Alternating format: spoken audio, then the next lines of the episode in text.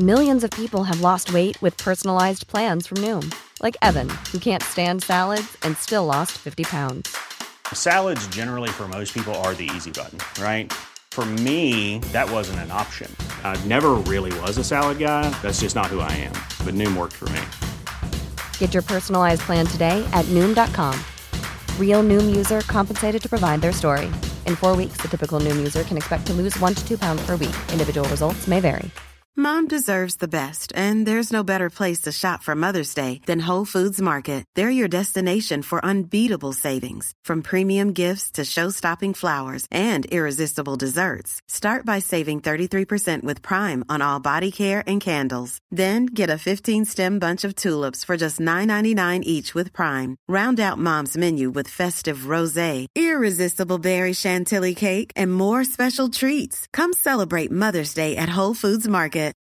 Since 2013, Bombas has donated over 100 million socks, underwear, and t-shirts to those facing homelessness. If we counted those on air, this ad would last over 1,157 days. But if we counted the time it takes to make a donation possible, it would take just a few clicks. Because every time you make a purchase, Bombas donates an item to someone who needs it. Go to bombas.com slash ACAST and use code ACAST for 20% off your first purchase. That's bombas.com slash ACAST, code ACAST.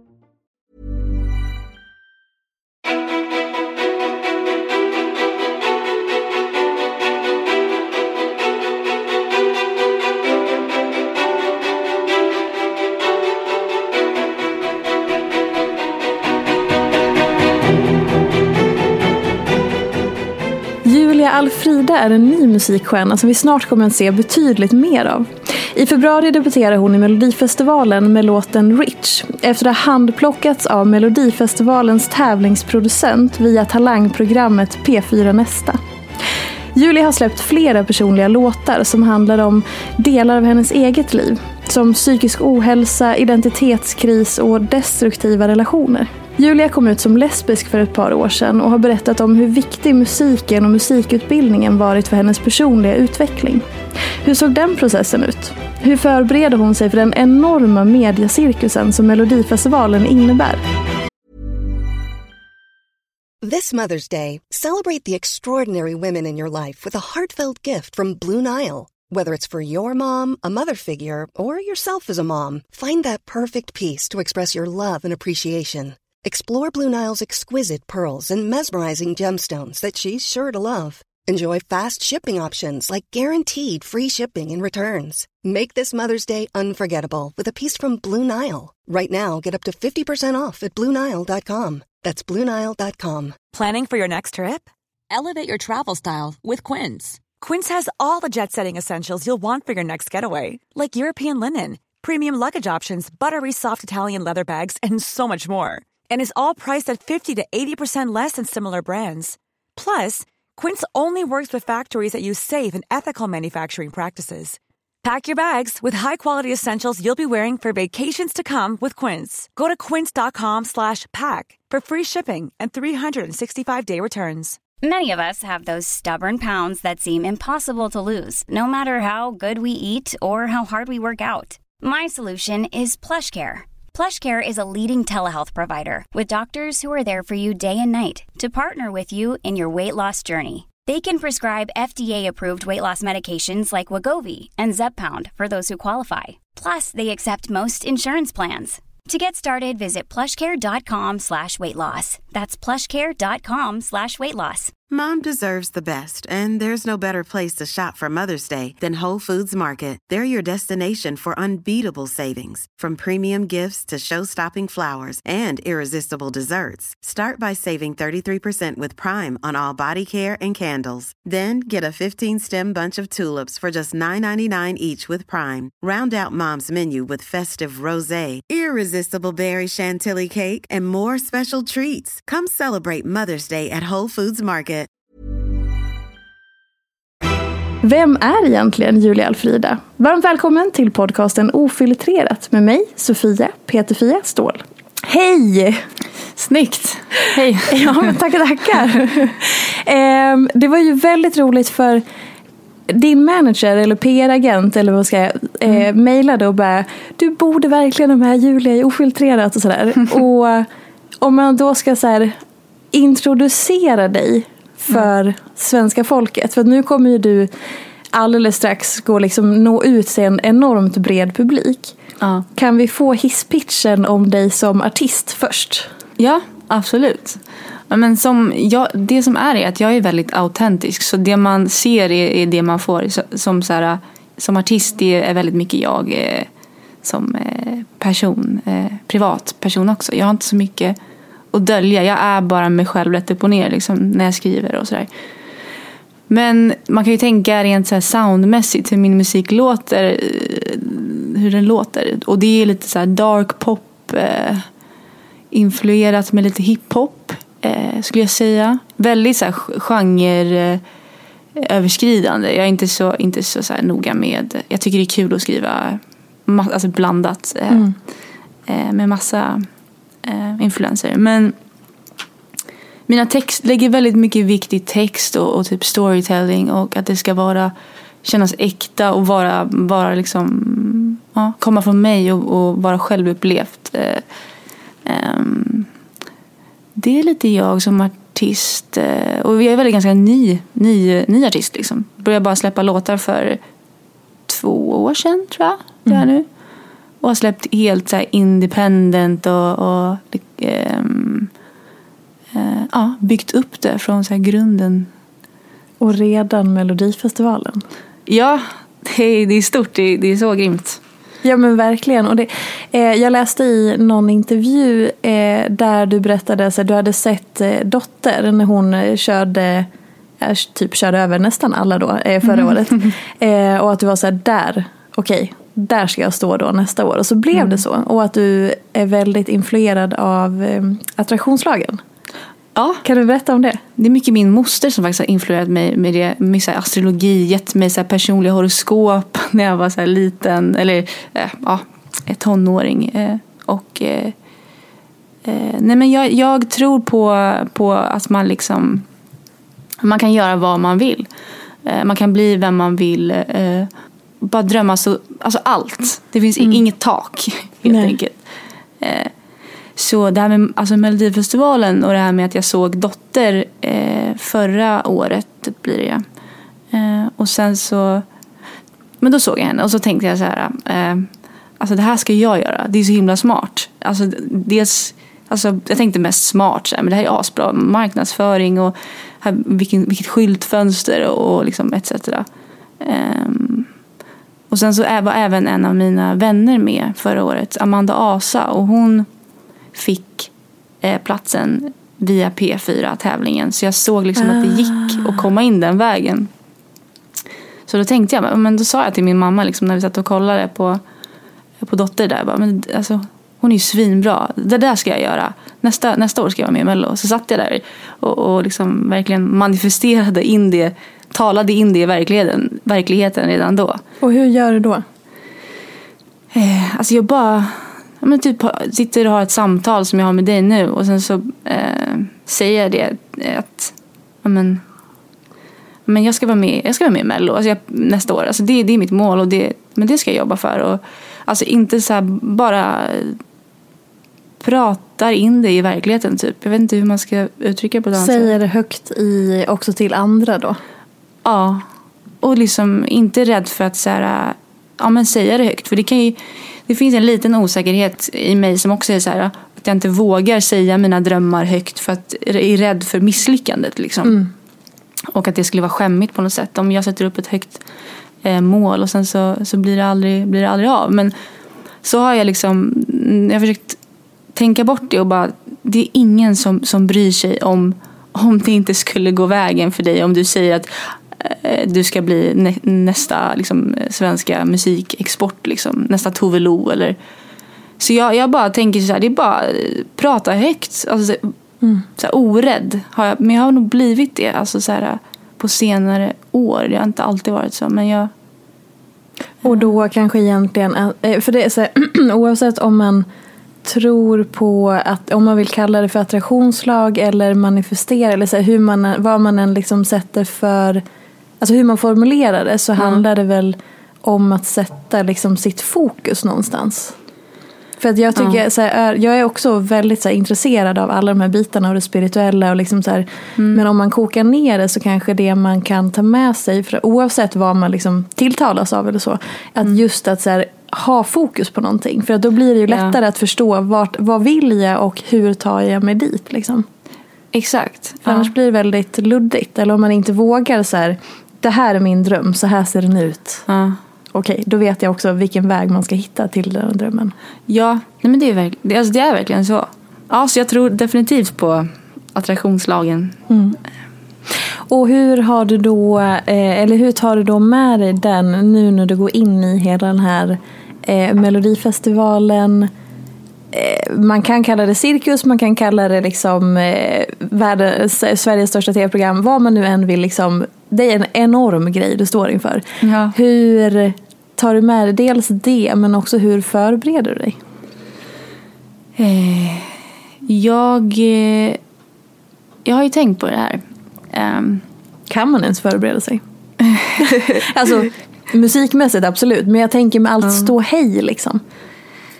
jag tror inte att det går att för... Det skulle vara hela liksom, livet som förberedelse då. Alltså i, i princip typ. Ehm, tänker jag. Eh, och det är typ lite så jag ser det också. Att eh, den personen som jag är idag. Jag tror att jag är, jag tror att jag är redo för cirkusen. Eh, för att jag... Jag, hade nog, jag hade nog inte varit redo för kanske typ så här, tre, kanske fem år sedan. Men nu har jag, så, jag har jobbat så mycket med mig själv hela livet i princip. Och jag bär på ett väldigt så här lugn och ett, eh, ett självförtroende och en, en självkänsla som, som inte alltid har funnits men som bara nu på typ de senaste två åren har liksom verkligen så här satt sig eh, i mig. Eh, så att det är det jag tar med mig. Jag tar med mig lugnet och eh, mitt så här självvärde. Ehm, och det är liksom livets skola så här, Ja. in i det. Ehm, men det här um, law of attraction grejen tänker jag. Jag har varit lite så här um, lite kluven eller lite så här, för det är mycket grejer att fokusera på. Och eh, dels jag, måste, jag ska prata in i verkligheten att, att jag ska ta mig till final. Jag vill ta mig till final och jag kommer stå i finalen. Och det är det, att jag måste vara orädd och våga tro det. Och i år när det också är ett sånt himla starkt startfält med alla, liksom, eh, alla rutinerade artister som är med. Så har det varit så här, har jag varit lite så här, åh, eh, vågar jag, jag, vågar jag tro på att jag, att jag ska ta mig till finalen? Men när allt nu kommer på plats så vågar jag liksom, då blir man också så här starkt, när liksom man börjar bli mer så jordad i alla processer, då känner jag så här, ja men nu kör vi, nu ska jag liksom till final. Och du sa om, eh, om det hade varit för ett par år sedan bara så hade du varit på en helt annan plats och liksom inte varit redo för det här. På vilket sätt är det annorlunda nu i, alltså i, inombords i dig och den du är och så mot för ett par år sedan? Mitt själv, jag har jobbat väldigt mycket med att försöka eh, med, med själv, min självkänsla. Gått till psykologer och eh, eh, pratat och försökt jobba på mitt självvärde. För att jag har haft en liten fel bild av mig själv eh, och värderat mig själv ganska eh, lågt i jämförelse med, eh, med andra runt omkring mig. Eller jag värderat andra högre än mig själv. Ehm, och det är även det min låt handlar om som, som jag ska framföra i Mello. Den handlar liksom om, eh, om eh, inre rikedom och självvärde och att liksom mångfald, att alla är olika men har ett, alltså alla har ett eget värde. Liksom. Eh, alltså det är nästan som eh, alltså en helt annan person. Jag känner att alltså, jag har verkligen växt så mycket på ett par år. Alltså dels som så här, eh, att jag kom ut som, som eh, queer, som lesbisk för, om det kanske, nu är det i och för sig kanske tre, tre fyra år sedan. Men eh, eh, och jag började också på den här musikutbildningen för två år sedan. Så att alltså i och med att jag kom ut för mig själv och, och eh, min omgivning eh, eh, gjorde att jag blommade liksom och kände alltså det var som typ en uppenbarelse liksom. I, eh, jag tror att många som så här, känner igen sig i den, alltså det kan förstå alltså känslan. Det, nej men det har varit, eh, jag har tampats med, med så här identitetskriser sen jag var typ sex år. Eh, Mm. En av dina låtar handlar ju om att du ville vara en pojke eller vad man ska säga. Ja. Jag var ju, som sagt, ja, jag identifierade mig med killarna. Jag umgicks bara med killar. Jag spelade i killarnas fotbollslag när jag var liten. Klippte håret kort. Ville ha en eh, så här, tuppkam typ. Men jag fick en, först en page. Och sen så åkte vi tillbaka. Då var jag så, så här ledsen. Så åkte vi tillbaka till frisören. Då fick jag en pottafrilla. Så att all, allting var så här som en kompro, kompromiss lite. För att mina föräldrar var också typ. ehm, för de var ju också så rädda. Eh, för hur liksom världen skulle ta emot mig på något sätt. De ville skydda mig också. Så de kompro- kom, försökte kompromissa. Men jag var inte nöjd. Ehm, men och så fick jag ju liksom, jag stod, stod, ju, stod ju ut liksom i, ehm, i mängden på grund av att jag eh, ville vara den jag är. Det jag vet att min mamma är fortfarande, fortfarande blir arg när vi pratar om eh, vissa så här skol... eh, eh, incidenter idag. Eh, jag hade, hade en lärare eh, som när jag gick på låg och mellanstadiet som, som, som ville ha, som kallade in mig, mamma och pappa på, um, på möte. eh, Tror jag. Eller om inte, jag kanske inte var med. Men de tyckte, då hade de ett, ett samtal då om hur de oh, hur, hur skolan oroade sig för, eh, för mig med tanke på att jag bara umgicks med killar. De ville att jag skulle inte, inte integreras med tjejerna. typ. Så det, det, var Ja. så här, det gick samtalet ut på att jag skulle, att jag skulle umgås mer med, med tjejer. Och, och det säger sig självt egentligen, att vara mer som, som normen. Alltså, Exakt, passa in. Ja. Och det, så det är ju så här, det låter ju bara, ja, man kan ju tappa, jag tappar hakan när man, alltså, när man hör det här idag. Det känns himla o, orimligt på något sätt. Men så att dels det, eh, sådana där incidenter och eh, även fick jag höra typ så här, eh, andra barn då som typ kanske ja, men inte, inte mobbning på det sättet. Vi hade väldigt så här, ett skyddsnät, skyddsnät av vänner och var, eh, kände mig så här, trygg. Men fick ändå höra så här, hej, hej killen och folk. Ja, men som sagt, jag, jag stack, eh, stack ut liksom, i folks ögon. Ehm. Men jag började ju anpassa mig mer och mer till slut när jag växte upp. Så jag, försökte, jag gick ju tillbaka till så här, för att följa normen eh, eh, mer och mer. Mm, för att jag kände att det inte var, jag märkte att det inte var helt, nej men det här, det här tycker inte folk är helt normalt. Så när jag var ungefär 11, gick i fjärde klass tror jag, då, då fick jag diagnosen anorexi. Eh, Så det började så här, psykisk ohäls, den psykiska ohälsan började liksom väldigt tidigt för mig. Eh, Och ja, eh, tog, tog form på så sätt, eller visade sig så. Ehm, så, så um, jag fick ju anorexia väldigt tidigt. Jag vet, Hur, ja. eh, hur yttrade sig den för dig?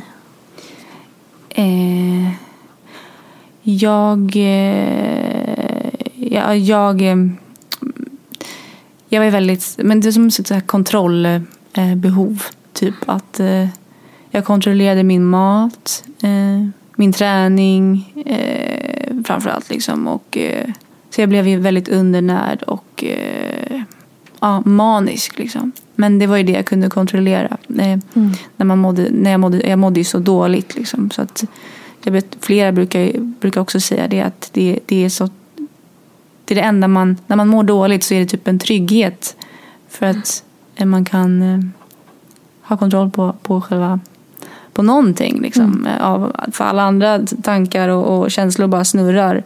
Och så var det för mig eh, också. Och när skulle du säga att du visste eh, så här, det här är jag, det här är vad jag är, liksom, det här är min identitet och det här är vem jag är. Hur tidigt eh, visste du det? Det, alltså, det är det som jag som chockar mig. Typ. Eh, att, alltså, jag har absolut haft så här eh, eh, crushes och, eh, på tjejer redan när jag var kanske, ja men, som, när man börjar få de känslorna som, som eh, så här, tidig ungdom eller typ så här, eh, eller till och med när jag gick på, alltså typ i ettan, tvåan på så här lågstadiet så kommer jag ihåg att jag, det var så här, inciden- alltså så här situationer när, när man skulle köra typ så här tjejerna jagar killarna och ska så här, knuffa omkull dem och typ pussa dem. Så här. Då var jag så här ställd för jag visste inte vad jag skulle göra. Men, men så jag har sakta men säkert så här, bara förtryckt de känslorna och eh, ja, alltid gjort det. Jag har alltid vetat om det men ändå inte att jag tycker om tjejer. Eh, jag har haft pojkvänner och liksom gjort allt för att så här, för, att liksom, för att vara duktig och för att jag ska liksom följa normen. Men, men det har aldrig liksom känts på riktigt. Eh, men det var typ i gymnasiet som, som jag började träffa mina, några av eh, mina vänner som är fortfarande mina bästa vänner idag. Mm.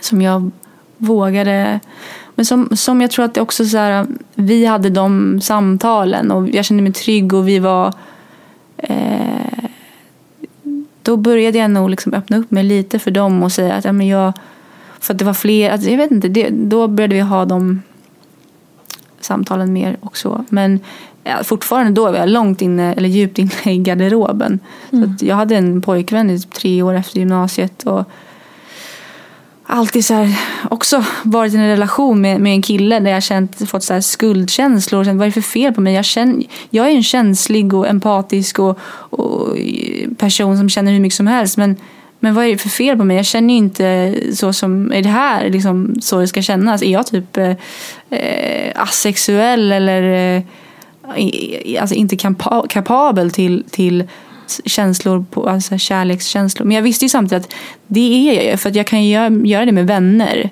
Alltså det var så mycket, så mycket tankar som snurrade då. Men eh, till slut var det typ som en kraft. När jag eh, dejtade den här killen, eh, eller var tillsammans med honom sista året så, så var det som så här någon kraft som eh, som så här, sa till mig typ att, eller en energi att du måste typ du måste testa, eh, du måste se hur det är att vara med, med kvinnor. Du måste liksom och jag pratade det med mina vänner så det blev också någon så sak som jag pratade in i verkligheten. Jag bara, jag måste, alltså det här, det här funkar inte. Det, så jag blev liksom indragen av typ eh, någon energi liksom som till slut. Så att jag var väl 19 tror jag när jag kom ut också. Alltså det, var, det var inte alls länge sedan. Jag är, eller nej, inte 19 ens. Gud, jag var tillsammans med honom när jag var 21. Det, det är ju, jag är 25 år idag. Ja. Kanske 20 när jag var 22 kom jag ut. Det, det, är, så, det, det är inte så tidigt. Men och då i så här, kan man på något vis sätta ord på hur liksom den processen i att så här, åh herregud, det här är jag och jag ska liksom själva komma ut ur garderoben och stå för det här är jag och ta det samtalet. Hur var din upplevelse? Ja, det, det, det är så mycket rädslor för det första. Eh, Det är liksom mm, men allt man har typ blivit ja, men inlärd se- sen man liksom kom till världen. Typ. Eh, Alla normer eh, och sådär. Eh, Heteronormer. Mm. Så att rädslorna att liksom gå mot strömmen, vara avig på, på och dels är det också eh, hat och, eh, och, och liksom mycket skam. Eh, liksom hom- homofobi och etc. Liksom. Så, att, för, så att det är massa rädslor som, som liksom bara känns. Som, som strider emot. Men så det var ju superläskigt och, och, och liksom för mina vänner var det inte som att jag kom ut för vi pratade i så många år innan så det var så här, men vi vet ju, det, det, så här, det var bara naturligt. Men eh, när jag skulle berätta för min mamma så var det som en så här, jag grät till och med för att det var det, det var typ en massa spänningar som släppte. Jag behövde bara liksom så här, jag satt i bilen typ och bara berättade för henne så satt så kommer jag ihåg att jag började, började grina. Och det är inte för oron att hon inte liksom mm, alltså, älskar mig oavsett eller sådär. Men eh, bara av mina egna så här, eh, alltså, det, allt handlar mycket om hur man ser på sig själv istället. Alltså, det, det har jag landat i. Liksom. För jag har varit så här rädd för vad mamma ska tycka eller hur hon ser mig i framtiden med en Kanske hon, har, hon har någon så här inlärd bild eh, om att jag ska ha en man och två barn, gifta mig och bla bla bla. Såna, men ju, ja, jag landar mer och mer, mer i att det, allting sitter hos mig själv. Hur jag ser på mig själv och hur jag liksom... Men det var... Det är också så här, oavsett hur, hur mycket rädslor och eh, man känner, eh, eller jag kände, så, så eh, alltså finns det ett, typ den här kraften då, som, som är som en uppenbarelse, som är typ euforisk, som känner, det är som att man ser färger för första gången. Mm. Det, det är så här, det är, eh, den är nästan obeskrivlig. Um, den är större. Ja. Så är som kärleken är störst. Men det, det, det Åh gud vad fint. Och så här, det är som att se färg första gången. Ja. Fy fan vad mäktigt. Ja. Det är ju allt. Ja men det, det, det är som så här magisk, alltså mest magiska typ. Ja. Det är, som en uppen, alltså det är verkligen som en uppenbarelse. Typ en magisk, liksom. Kan du, alltså, om man tänker på eh, här, du kommer ju då bli en förebild för många och du kommer ju antagligen mm. hjälpa jättemånga som kanske är där du var för några år sedan. Att så här, kanske mm. någon som kom, ska komma ut eller som börjar hitta sig själv och sådär. Eh, vad skulle du vilja säga till någon som lyssnar och som kan känna igen sig i din resa och som är liksom på väg dit där du är? Att så här, mm. våga komma ut eller våga stå för den man är och så. Vad skulle mm. du vilja säga till den? Gud, det känns himla så överväldigande. Ja. Men eh, alltså jag skulle egentligen bara försöka uppmuntra en sån person att eh, eh, ah, det är så o, alltså det, det, är så himla svårt för det är så olika. Man är så också så här Absolut, jag är hbtq-person och det är många som identifierar sig som det. Men man är också så himla mm man är inte lik någon annan. Och alla har sina olika resor med eh, vad man har för bakgrund, familj, etnicitet, kön, könsidentitet. Det är, så här, det är så enormt. Men jag behöver kanske inte tänka så stort just nu. Om det skulle vara någon som befinner sig i, i de skolorna jag... Jag skulle bara säga att det kan bli så otroligt bra. Eh, våga, om, om, man har någon så kom, som jag, om man, hade, om man har någon kompis som man verkligen litar på typ. Mm. Eh, kanske våga komma ut för den, våga prata med, med så här, skaffa, eller inte skaffa, men om du har någon som du litar på, håll i den och våga, försök våga öppna upp dig för den.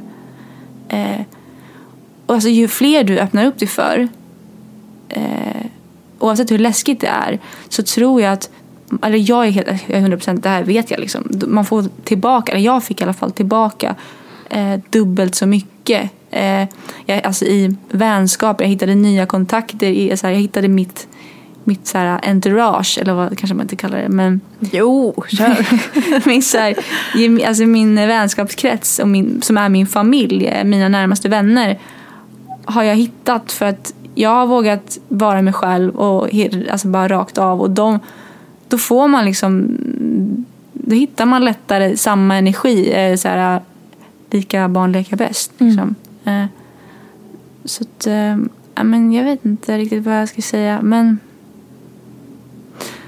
Ja, det, är så, det känns som ett stort ansvar på ens axlar typ. Men bara för, alltså, ja, vad ska jag säga? Jag, jag man tänk... är grym som man är. Bara, och älskad. Så mm. Jag tänker alltså, oavsett vad man går, går igenom i livet så är väl liksom det här med att ha ett sammanhang där man mm. känner sig trygg och ett sammanhang i att så här, Alltså jag vet inte, oavsett om det är någon som kanske Ja, men som till exempel jag själv gick igenom en skilsmässa förra året och då var det mm. jätteviktigt att så här, åh gud jag måste börja få läsa om att mm. det blir bättre. Så här, skilsmässa, okej okay, men hur bearbetar jag de här känslorna? Jag går igenom det här, okej okay, det var jätteskönt att läsa om andra som hade gått igenom skilsmässa. Alltså det är inte att jämföra på något vis men att Nej. när man går igenom jobbiga saker så är det ju skönt att få någon slags liknande sammanhang liksom. Ja, Ja, men alltså också då, alltså så här, som jag har gjort flera gånger, typ prata med, antingen söka hjälp, typ eh, jag, har gått och, jag har gått och pratat med, med kurator på unga vuxna, mm. eh, psykolog, eh, mycket så KBT, bara gå och prata med folk och, och inte vara rädd för det. För det är liksom inte som att din, du är sjuk och du behöver gå och, och man kan, vara, man kan vara psykiskt sjuk och behöva gå och liksom prata av den anledningen. Mm. Eh, och det liksom, finns ingen tabu i psykisk ohälsa. Men, eller finns det, men, men Det borde inte göra det. det borde inte göra det. Mm. Men att gå och prata för, för, din, för, för ens egna så här, personliga utveckling bara. Och se det som att jag går och pratar för att det finns liksom ingen, ingen skam med att gå och prata med någon. Utan, men typ, ja, alltså det skulle jag, för det har jag gjort och det har varit så här, det tog emot jättemycket i början så här, att eh, när jag blev skjutsad av min pappa till typ, unga vuxna för första gången när jag mådde, jag hade väldigt mycket ångest, attacker och, och var deppig.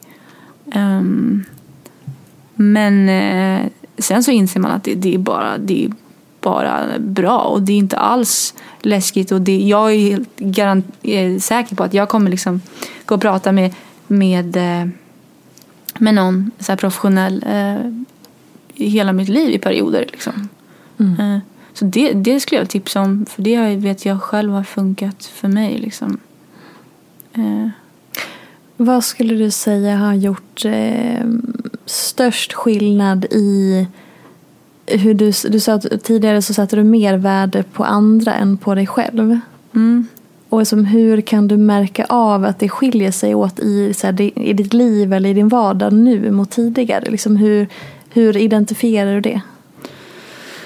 Alltså det var ganska en så turning point eh, när jag insåg att jag hade typ ett dåligt eh, eh, eller självvärde. Eller nej, att jag såg på mig själv på ett, på ett felaktigt sätt. Liksom. Mm. Det.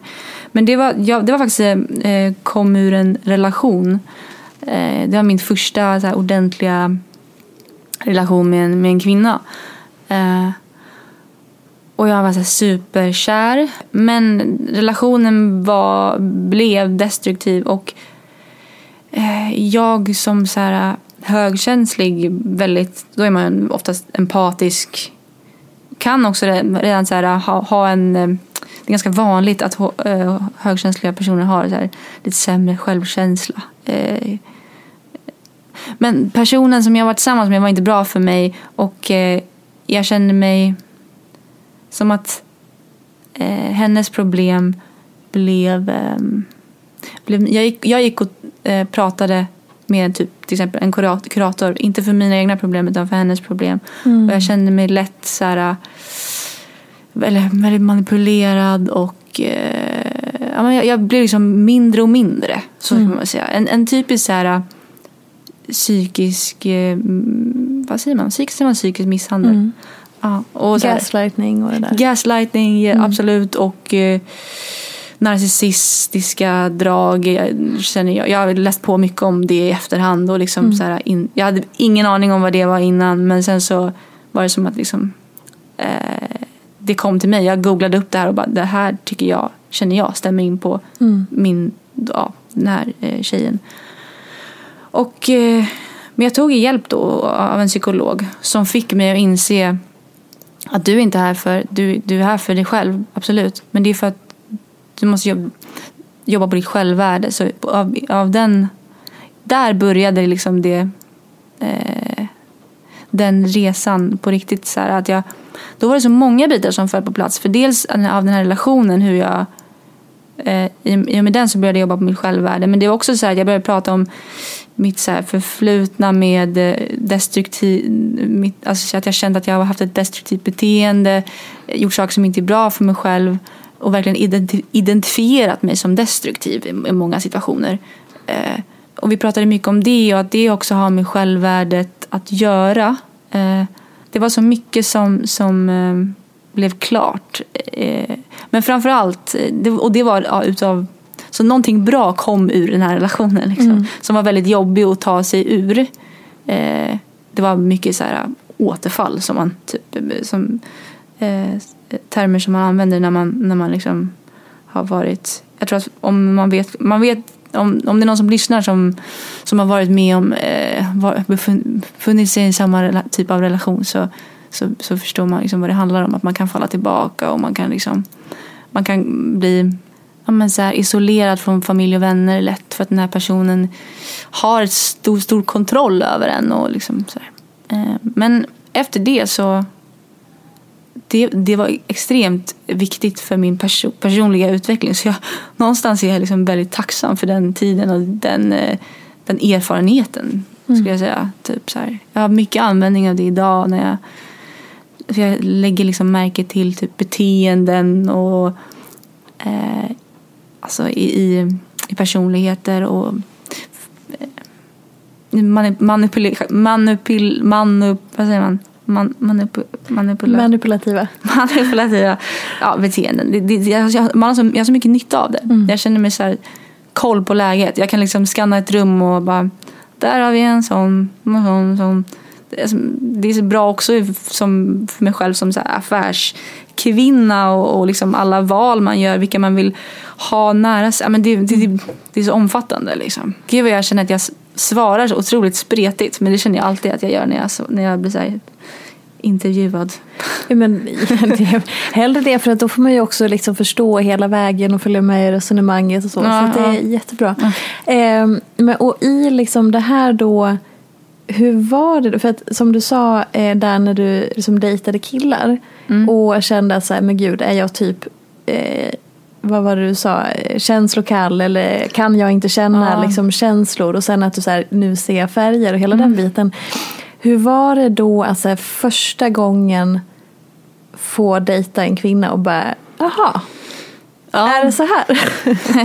det, var, det är så överväldigande i sig. För att det är som att man har levt ett liv Eh, och man har varit, jag har varit 12, jag har varit 15 år, jag har varit 18 år. Men jag har missat det som kanske vanliga 15-åringar eller fått uppleva. Jag har liksom, det är så mycket som jag har tagit, fått ta ikapp på så kort tid vad gäller typ så här verkliga kärlekskänslor eller kärhetskänslor eller sexuella upplevelser. Det är som att jag, jag är 25 år, eller som jag var då när jag kom ut, 22. Men jag känner mig liksom som, det var ju vissa så här typ lågstadie, alltså jag kände också som en låg, alltså sådana saker som jag inte fick göra på lågstadiet, men jaga eh, tjejerna på, på rasterna och typ eh, när man lekte ryska posten eller man gjorde typ så här så, så här alla barnsliga jag vet inte, förstår vad jag menar? Det finns så mycket känslor som man inte som man har missat under, så, eh, under hela livet som man typ får ta ikapp. Så det blir så himla, man, ja, jag vet inte, det, det är mycket. Men otroligt, eh, ah, så här, jag vet inte, det är verkligen som att man ser färger. Det, är- alltså, det är det finaste jag hört, man ser färger. Det är som att man, alltså, det, jag ser ju framför mig de här barnen som man ser ibland i klipp på internet när någon får glasögon första gången. Jag såg något sånt eh, för någon vecka sedan. Det var en pojke som, han hade inte sett, exakt så, han hade inte sett färger innan. Och så fick han på sig glasögon som justerade. Och han var så här 10-11 kanske. Alltså jag grät och jag grät och jag grät och blev så berörd för att han bröt ihop fullständigt. Och han liksom, alltså, det, det är som fin saying, sägning att Ja. det är som att se färger. Jag tror att man kan liksom verkligen, det är väldigt, väldigt fint. Ja. Fan vad viktigt det här är att prata om också. För att det också, men också om vi ska vända på steken lite så här då. Från allt det här som är fint och fantastiskt och liksom man blir så glad och pirrig av att lyssna på att så här, fan vad mäktigt att du har gjort den här resan. Också så här, det finns ju människor i vårt samhälle som påstår att nej men det finns inga homofober. Nej, men alla är så öppna, vi lever i en sån öppen tid. Det är ingen som har fördomar. Liksom, hur är verkligheten för hbtq-personer 2020 i Sverige? Alltså, Inte för att du är en talesperson för alla, men om Nej, du, klart. alltså, just om det är någon att, så här, som sitter och bara, men vadå, vi har ett sånt öppet samhälle, vadå, det är väl, det är väl lugnt. Nej men, nej men alltså precis det Alltså dels tänkte jag bara så här, stort kolla på det som hände liksom i USA nu med med eh, alla Trump-supportrar som stormade. Världen är liksom splittrad eh, och kommer nog alltid vara tror jag. Till, till, på olika sätt, till, som yin och yang. Och om det inte är liksom yttre homofobi, säg att liksom, det skulle komma fram någon till mig på, på gatan. Eh, så är ju sn- snarare den här internalized eh, homofobi, nu använder jag ett engelskt ord, men att det kommer väldigt mycket inifrån. Eh, Alltså att folk bär det i sig. ja, och är rädd för mm, dels kanske historiskt sett och fortfarande hur, hur liksom idealen och normerna ser ut idag och liksom representationerna av ja, men på Netflix eller eh, på, på liksom alla de här maktpositionerna som vi pratar om i ja, sådär. Det existerar absolut homofobi. Det, det, man är naiv om, om man eh, om man inte, om man inte, tror, om man inte tror annat. Liksom. Personligen så går det i vågor. Jag har, jag har väldigt mycket intern eh, homofobi i, i, mig fortfarande som så här, påminner eh, mig om att det, liksom, det existerar. Eh, Hur då? Ja, men nu som när jag är i ett förhållande med en tjej eh, eh, som är väldigt bra för övrigt eh, så, så kan jag tycka att alltså, när vi håller varandra i handen på tunnelbanan eller pussas offentligt så kan jag känna att det är, det är jobbigt. Jag har koll på min omgivning. Eh, mm. Och jag tycker ändå att jag har utvecklats. Jag, för, jag försöker liksom, det, det tar emot. Så här, och jag försöker, jag, jag liksom vägrar falla för min egen så här, interna homofobi. Så jag gör det.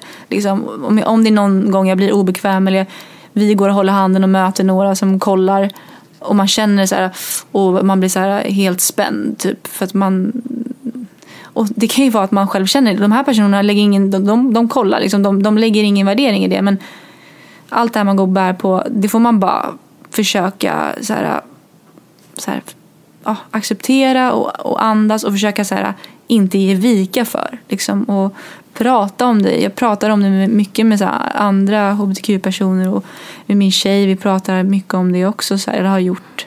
Eh, men ja, det, det är liksom stundtals så, så, så känner man ju att man vill liksom dra undan handen och så här, mm. ah, bara så här, gå, krypa tillbaka in i garderoben. Liksom. Men jag vägrar göra det. Men jag känner sådana känslor. Och det, det är för att jag... Det är liksom ja, hur jag är formad. Hur, hur, alltså, hur samhället ser ut med alla normer som man har växt upp med.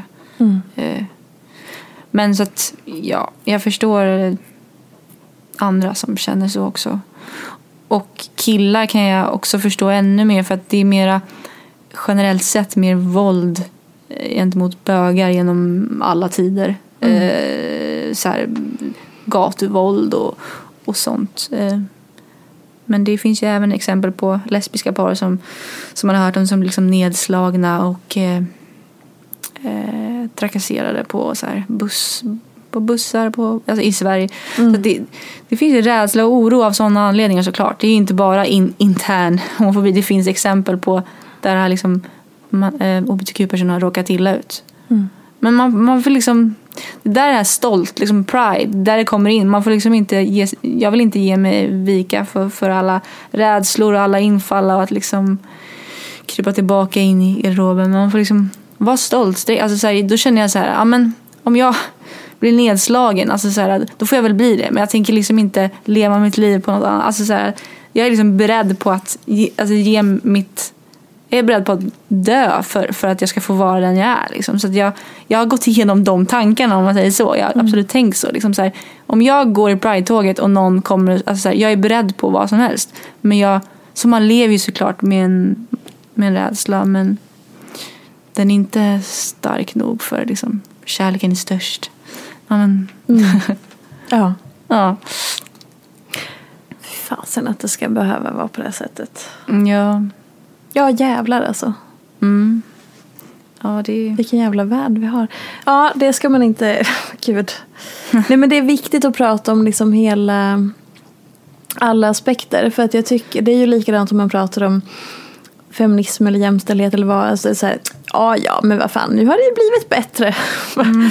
jo, fast liksom bara för att någonting har kanske gått framåt så betyder det inte att det andra inte existerar fortfarande eller att det fortfarande är ett problem eller att mm det är klart typ. Nej, nej Det är liksom, eh, ja. Men för ibland tycker jag lite att, att man liksom hör att, att människor resonerar så att så här, ja men som till exempel, ja men vi är det mest jämställda landet i världen. Fast man kan nog säga att vi är det minst ojämställda landet ja. i världen och det betyder inte att vi är färdiga på något vis. Men i alla fall. Nej. Ja, herregud. Okej, eh, om vi ska sammanfatta det här avsnittet mm. på något sätt. Eh, vad vill, skulle du vilja att man tar med sig om man har lyssnat på det här avsnittet? Så här, nu när jag ska vara med i, i Mello och det är ändå så här, grundanledningen till kanske varför jag är här. Liksom, att jag ska marknadsföra mig på något sätt. Typ. Eh, så, så är väl liksom det jag tar med mig upp på, på melloscenen och det jag kommer liksom eh, det budskapet jag kommer förmedla eh, för, för eh, ja, en stor del av svenska befolkningen eh, eh, under min deltävling så är ju, handlar om självvärde. Och den, min, min låt heter ju Rich eh, och det, det är offentligt, titeln är liksom ute och sådär. Och Rich handlar om att, att eh, inre rikedom, eh, självvärde och mångfald. Så att det kan man ta med sig. Alltså jag hoppas att man blir inspirerad av, av min, min resa och min, min fortsatta resa liksom i, Så kan man säga att så här, det, allt det vi har pratat om nu egentligen sammanfattar, sammanfattas i låten? Ja. Att det, den här, det här samtalet blir lite en fördjupning av det du kommer leverera på scenen? Det, det är 100 procent. Underbart, vad fint. eh, och du får såklart inte ge oss en ton av denna låt för det är superhemligt. Exakt. Ja. ja, fasen vad fint. Du ska få den allra sista frågan som alla mina gäster får. Mm. Eh, fri tolkning, hur du vill. Mhm. Vad är inte som det ser ut? Vad är inte som det ser ut? Eh, Okej, en, en så här glamorös eh, typ eh, föreställning om kanske Mello då. Ja, utveckla. Ja, då tänker jag väl att det, det, det man ser som så här åskådare eller tittare är ju allt glitter och, och allt eh, eh, programledare som skojar och grejer. Men det är ju så mycket artister och, och förarbete, förarbete, bara min resa som fram till jag, menar, det, är en väldigt glam, glamorös fasad men jag tror inte att om, bakom scenen så är det inte alls lika. Det är väldigt mycket hårt arbete och väldigt mycket så förberedelse och svett och tårar till ett väldigt så här, glatt och familjevänligt program. Så Mm, I tre minuter. I tre minuter. Ja. Ja, det var det enda jag kunde komma att tänka på nu. Ja, ja men det är väl jätterimligt. Ja. Vad vill du avsluta med innan vi avrundar? Så jag hade velat spela upp låten. Exakt. Men eh, jag kan säga så här, det, det finns en låt Mm. som, som eh, finns på Spotify på min artistsida eh, som heter Her, som betyder hon eh, på engelska. H-E-R. Precis. Var jag tvungen att. H-E-R. Ja. Och där jag pratar om, sjunger om mig själv och i tredje person. Eh, som handlar om min resa, psykisk ohälsa. Väldigt så här berättande. Eh, den, den kan jag referera till. Och jag tycker att Rich är den fast, fast 2.0. Underbart. Jag tycker man, om man vill gräva lite djupare och lyssna lite på musiken så tycker jag man ska börja där.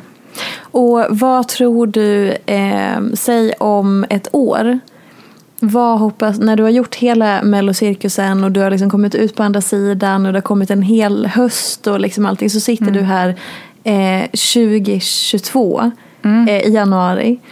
Eh, så var hoppas du befinna dig i ditt artisteri då?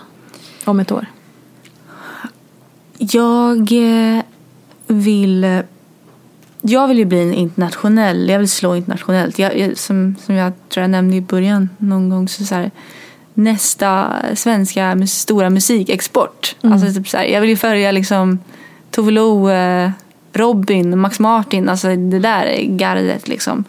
Så att släppa musik eh, som tar mitt, mig till eh, hö- fler, vad säger man? högre höjder och kanske ja, men slå eh, utomlands. Och, eh, sen kanske jag kommer tillbaka till melloscenen också men jag vill inte stanna här. Jag vill, eh, jag vill höras på andra ställen runt om i världen gärna. Och det tror jag utan tvekan att så kommer det bli. Fantastiskt. Då får du komma tillbaka. Ja, Sen. absolut. Säger jag och pekar på dig. Ja. Men du Julia, tack så jättemycket för att du ville komma hit och tack för att du pratar om så viktiga saker både i din musik och i det här samtalet och många andra samtal framöver. Eh, och jag ser fram emot att få följa dig på din resa och eh, känner mig ärad över att eh, du ville komma hit så tidigt i din karriär. så hejar vi på dig i Melodifestivalen och om man vill se mer av dig, höra mer av dig, man kan följa dig på Instagram, Julia Alfrida. Och sen så kan man lyssna på dig på Spotify och rösta på dig i Melodifestivalen såklart. Oh ja, Ja, Exakt. Tusen tack för att ni har lyssnat. Puss och kram. Hörs nästa vecka. Hej då! Följ mig gärna i sociala medier. Jag heter Peterfia på Instagram och bloggar på peterfia.se. Vill du komma i kontakt med mig så gör du det på info.peterfia.se. Jag vill rikta ett stort tack till Acast för studie och stöttning och ett stort, stort tack till geniet Elin Sjödén som klipper den här podcasten.